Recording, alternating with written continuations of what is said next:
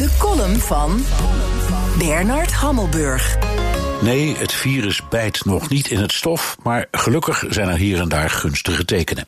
En dus krijgt de discussie over het herstarten van de economie meer vaart. Dat is maar goed ook, want al die financiële reddingsplannen van Den Haag tot Madrid, tot Rome, tot Parijs zijn geen barmhartige donaties, maar met belastinggeld gefinancierde leningen.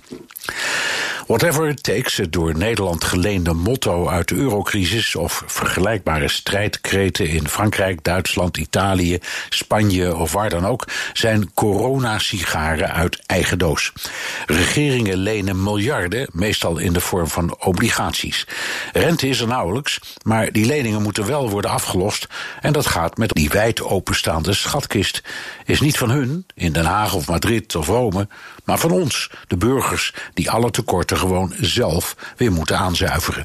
Maatregelen zoals de noodregeling overbrugging werkgelegenheid hebben 17 miljoen schuldenaars. Amerika is in een uitzonderlijke positie. De dollar is de wereldmunt.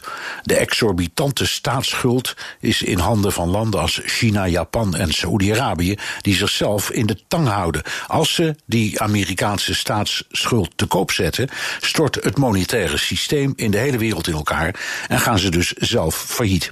De Amerikanen zien daarom geen kwaad in het opjagen van de staatsschuld, die zij vergelijken met een hypotheek. Zolang je de rente kunt betalen, is er niets aan de hand. En er is momenteel geen rente.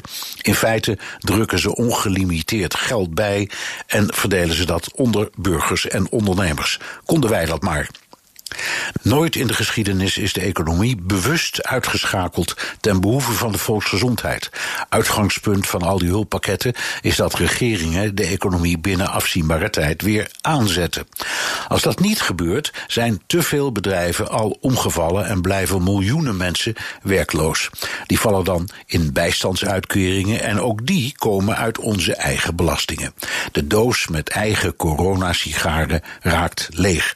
De gunstige tekenen, hoe pril nog, kunnen dus niet op een beter moment komen. Columnist Bernard Hammelburg. Terugluisteren? Ga naar bnr.nl of de BNR-app. En daar vindt u ook alle podcasts.